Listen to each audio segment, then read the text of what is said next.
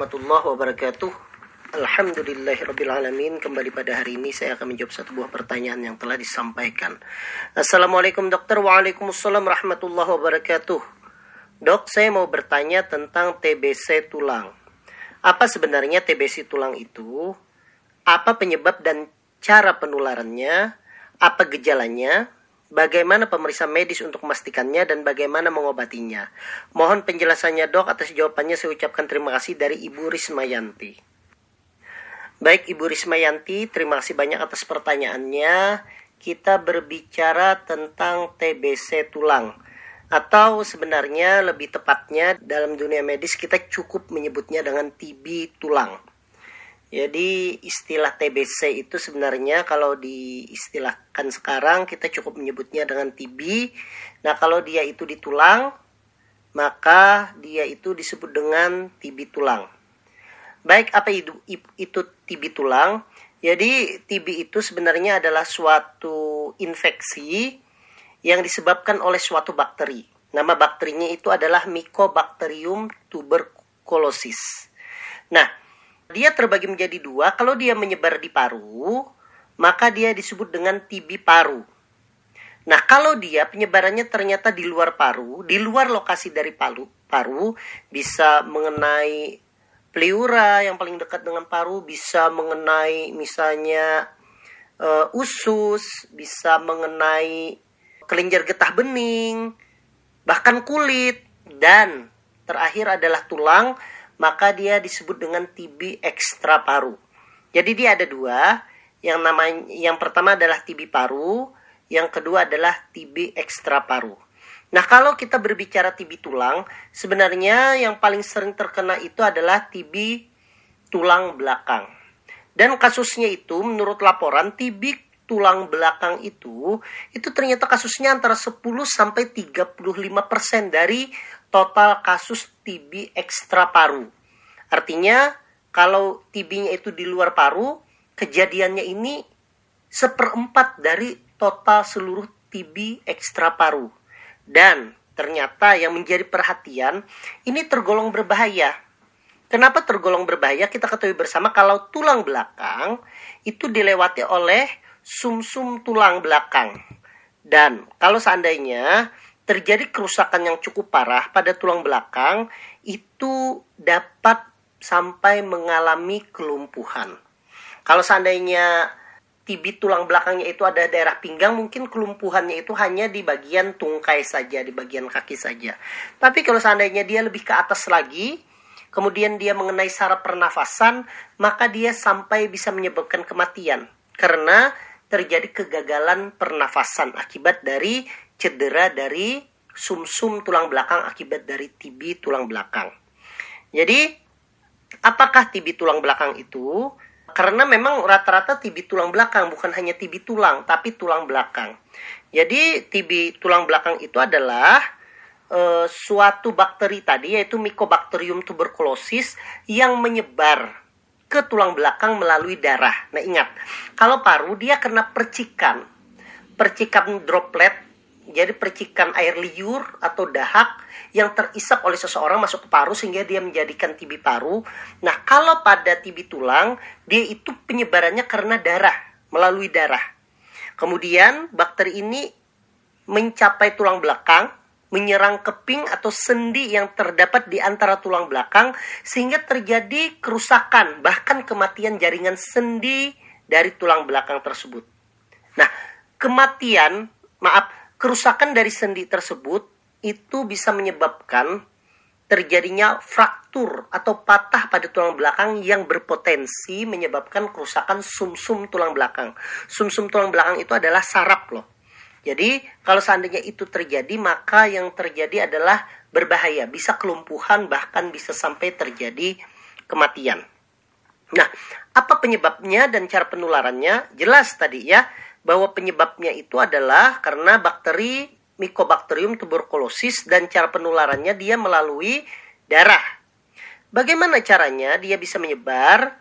Jadi penyebarannya itu bisa karena pada uh, eh, TB tulang belakang itu karena misalnya e, bakterinya tersebut itu menyebar pad, terkena pada darah atau nanah pada penderita. Misalnya penderita ada luka, kemudian ada percikan dahak terkena luka tersebut. Nah, itu bisa masuk ke darah bakterinya tersebut sehingga terjadi penularan dan kalau dia kena tulang belakang maka dia terjadi TB tulang belakang. Nah, siapa saja yang punya risiko tinggi? Misalnya orang-orang yang tinggal di daerah yang kumuh dan padat. Karena orang-orang di daerah yang kum, kumuh dan padat tersebut, risiko tertular TB-nya itu meningkat karena seringnya berinteraksi dengan penderita yang mungkin saja di situ ada penderita TB. Kemudian, tinggal di area dengan tingkat kasus TB yang tinggi. Salah satunya adalah petugas medis ataupun paramedis. Kalau seandainya dia bertempat beberapa berinteraksi sering di daerah yang tinggi risiko TB-nya, dia bisa terkena TB tulang. Kemudian, yang selanjutnya, lansia, orang yang berusia lanjut. Tentunya karena daya tahan tubuh yang menurun, ini akan menyebabkan seseorang sangat rentan terjadinya TB tulang. Kemudian, kondisi yang menyebabkan daya tahan tubuh yang turun seperti yang orang yang terkena HIV atau AIDS atau kita menyebutnya dengan ODA, orang dengan HIV AIDS. Kemudian pasien penyakit kronik seperti kanker, penyakit gagal ginjal ataupun yang terkena penyakit kencing manis atau diabetes, dia sangat sangat rentan terhadap terjadinya terkenanya TB tulang. Orang yang punya penyakit autoimun kemudian dia mendapatkan obat untuk menekan sistem kekebalan tubuh. Nah, ini juga eh, hati-hati. Kemudian orang yang menggunakan obat-obatan terlarang, menggunakan jarum suntik yang sembarangan, selain mungkin infeksi dari hepatitis atau AIDS, dia juga bisa berisiko terjadinya TB tulang. Bagaimana gejalanya? Pertanyaan selanjutnya, sebenarnya kalau keberadaan TB tulang pada tahap awal itu sulit untuk dideteksi. Kenapa? karena dia tidak muncul gejala. Gejala itu secara umum baru akan timbul setelah infeksinya cukup parah atau mencapai stadium lanjut. Dan gejala ini dapat terjadi tanpa disadari. Nah, harus hati-hati kalau terjadi seperti apa. Yang pertama adalah nyeri punggung yang terpusat di satu bagian dan makin lama makin berat. Kemudian, rasa kaku di punggung Kemudian yang ketiga, nah ini penting juga, merasakan ada benjolan atau pembengkakan di punggung. Ini hati-hati ya. Ini sangat-sangat dicurigai TB tulang dan harus segera datang ke dokter untuk memeriksakan. Dan kemudian merasa punggung kok bungkuk atau kifosis. Ini adalah gejala-gejala yang secara khusus ke TB tulang. Namun hal ini juga harus disertai dengan gejala TB secara umum apa gejala TB secara umum misalnya ada demam, riwayat demam, ada keringat dingin, berat badan yang turun, kehilangan nafsu makan, cepat lelah. Nah, ini juga harus diperhatikan. Kalau itu terjadi, maka jangan ditunda-tunda segera ke dokter untuk didiagnosa. Kalau memang itu terjadi TB tulang, maka tentunya pengobatan yang cepat itu sangat membantu seseorang agar terhindar dari komplikasi. Jadi, eh, jangan sampai tadi terjadi keseriusan sebab kalau TB tulang itu sudah cukup parah akan timbul gejala yang lebih serius. Misalnya, tadi saya katakan akan terjadi kelumpuhan. Tidak langsung lumpuh. Misalnya, kalau pada anak bisa terjadi pada anak itu bisa bisa terjadi kesulitan berjalan atau kesulitan bergerak. Atau misalnya terjadi kelainan bentuk tulang belakang Nah, kalau itu berlanjut, maka akan terjadi gangguan saraf, seperti kelemahan atau kelumpuhan otot, mati rasa di pinggang sampai ke bawah, ataupun ada nyeri yang menyengat, seperti ditusuk-tusuk misalnya, dan menjalar. Nah, ini hati-hati. Dan kalau seandainya dia itu sampai masuk ke dalam selaput otak, karena kan tibi tulang itu kan dekat dengan uh, medula spinalis atau sumsum -sum tulang dan sumsum -sum tulang itu adalah otak. Nah, kalau dia itu menyebar, maka dia bisa sampai menyebabkan infeksi selaput otak atau kita menyebutnya dengan meningitis. Kalau meningitis itu orangnya akan sakit kepala, kaku leher, demam tinggi, bahkan bisa sampai terjadi kejang. Nah, ini yang harus kita perhatikan. Sehingga kalau ini terjadi, maka ini tidak baik ke depannya sehingga gejala awal itu sangat-sangat penting untuk segera diperiksakan kepada dokter. Kemudian bagaimana pemeriksa medis untuk memastikannya? Memang kalau TB tulang sedikit berbeda dengan TB paru. Kalau TB paru kita bisa periksa dahak, kemudian eh, dilakukan namanya tes cepat molekuler untuk melihat adanya bakteri Mycobacterium tuberculosis atau tidak sehingga bisa langsung diberikan pengobatan. Nah, kalau pada TB tulang, kalau memang ada batuk, mungkin bisa dilakukan pemeriksaan sampel dahak untuk tes cepat molekuler bahkan sampai dilakukan kultur bakteri.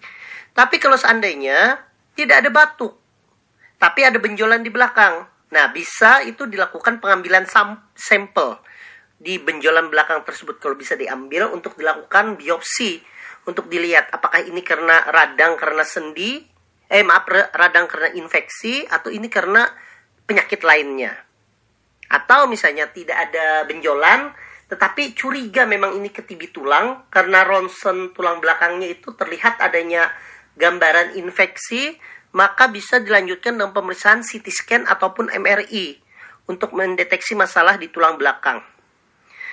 Kalau seandainya, kalau seandainya memang ada demam, sakit kepala, curiganya ini sampai ke selaput otak, bahkan bisa sampai dilakukan pengambilan cairan sendi, maaf cairan cerebrospinal, yaitu e, cairan cairan otak untuk melihat apakah ada infeksi Mycobacterium itu sampai ke cairannya tersebut.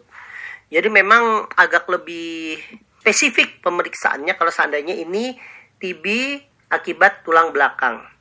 Bahkan dikatakan untuk pasien-pasien yang HIV atau AIDS dan pasien-pasien yang diabetes itu malah disarankan untuk segera melakukan pemeriksaan TB walaupun tidak muncul gejala tersebut karena sering kali terjadi e, tumpang tindih penyakit antara HIV dengan TB karena di Indonesia kasus TB itu masih tinggi.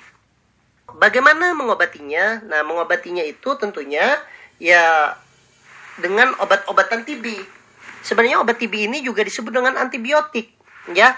Cuma karena khusus uh, nama obatnya adalah rifampicin, isoniazid, etamboto dan pirazinamid, maka dia disebut dengan OAT atau singkatan dari obat anti tuberkulosis.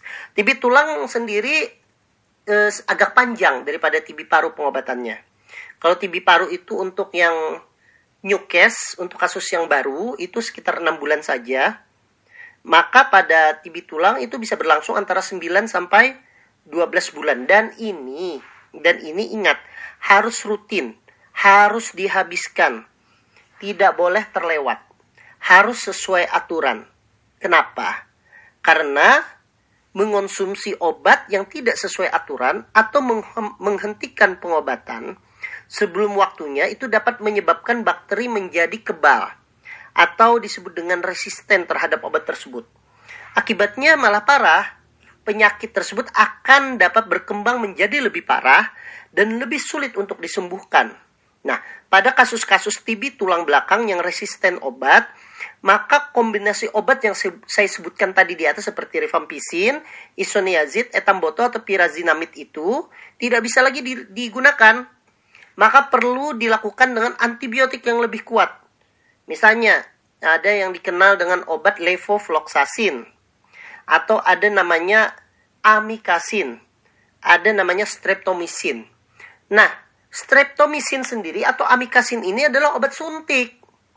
Dan kalau seandainya ini harus diberikan, maka harus disuntik setiap hari. Dan tentunya kalau sudah resisten, pemberian obatnya pun juga akan lebih lama pada banyak kasus bisa sampai 20 bulan pemberiannya tersebut. Makanya harus hati-hati nih. Harus betul-betul diperhatikan kalau seandainya memang terdiagnosa TB tulang dan harus diobati, maka harus diperhatikan tata cara meminumnya dan kepatuhannya. Nah, ada beberapa kasus memang juga dapat diberikan obat kortikosteroid. Nah, kenapa diberikan obat kortikosteroid ini? Karena pada TB tulang itu kadang terjadi peradangan yang menyebabkan kelumpuhan sehingga uh, obat ini boleh diberikan untuk mengurangi peradangan dan meredakan gejala dan untuk mencegah terjadinya komplikasi. Tapi ingat, kortikosteroid ini adalah atas indikasi dari uh, dokter, ya bukan kita, bukan orang awam yang memberikan pengobatan tersebut. Nah, selain obat-obatan, juga penting kalau TB tulangnya itu, tulang belakangnya itu sudah terlihat seperti sangat parah atau agak-agak menyebabkan terganggu, maka kadang kita harus konsulkan kepada dokter rehabilitasi medik untuk diberikan penyangga tulang belakang atau kita menyebutnya dengan spinal brace. Tujuannya adalah yang pertama itu untuk membatasi gerakan tubuh pasien. Karena gerakan tubuh yang berlebihan itu akan berbahaya bagi tulang belakang yang mana itu juga akan menyebabkan gangguan pada sumsum -sum tulang belakang. Tapi itu tidak akan tidak tidak permanen. Maksudnya kalau dia kalau dia diobati biasanya terutama dalam 2 sampai 3 bulan pertama pengobatan dan eh, hasilnya bagus, stabil maka itu bisa di bisa di apa namanya bisa dilepas namun pada kasus yang cukup parah, misalnya sudah terjadi uh, terjadi kelumpuhan, tidak hanya dengan obat-obatan, bahkan kita bisa konsultasikan ke teman sejawat ortopedi tulang belakang untuk dilakukan prosedur, apakah itu dilakukan prosedur operasi atau tidak. Terutama jika terjadi gangguan saraf seperti kelumpuhan atau kelemahan otot. Karena ini sangat urgent sekali terkait mobilitas pasien. Kemudian juga kalau seandainya terjadinya perubahan bentuk tulang belakang itu juga sangat penting. Atau ternyata pengobatan dan obat-obatan tidak memberikan respon yang baik. Maka daripada itu eh, saya sarankan untuk eh, eh, untuk para pasien yang punya risiko tinggi seperti diabetes, penyakit kronik, penyakit imun dan sebagainya mendapat obat-obatan maka tentunya harus melakukan screening apakah terdapat TB atau tidak di dalam tubuh kita. Atau kita menyebutnya dengan TB laten. Karena TB laten ini suatu saat akan menjadi aktif ketika daya tahan tubuh kita menjadi sangat-sangat rendah.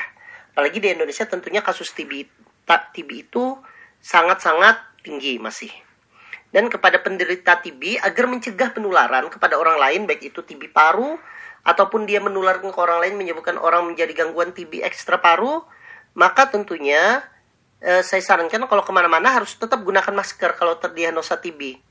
Kalau bersin harus ditutup mulut. Kemudian kalau seandainya batuk, mohon maaf berdahak, gunakan tisu sekali pakai, tisu kertas, kemudian harus dibuang dengan memasukkan ke dalam tempat yang tertutup. Dan kalau seandainya berada di suatu lingkungan tertutup seperti di rumah atau di kantor, usahakan duduk di dekat e, tempat yang memiliki sirkulasi udara yang baik demi melancarkan pergantian udara di dalam ruangan dan mencegah penularan kepada orang lain. Hindari tentunya terlalu banyak berinteraksi dan berkerumun dengan orang lain. Mungkin itu saja Ibu Rismayanti. Jawaban dari saya semoga bisa menjawab rasa penasaran Ibu Rismayanti terhadap TB tulang atau Ibu tadi menyebutnya dengan TBC tulang. Dan semoga kita semua di sini dipelihara kesehatannya oleh Allah Subhanahu wa taala. Wassalamualaikum warahmatullahi wabarakatuh.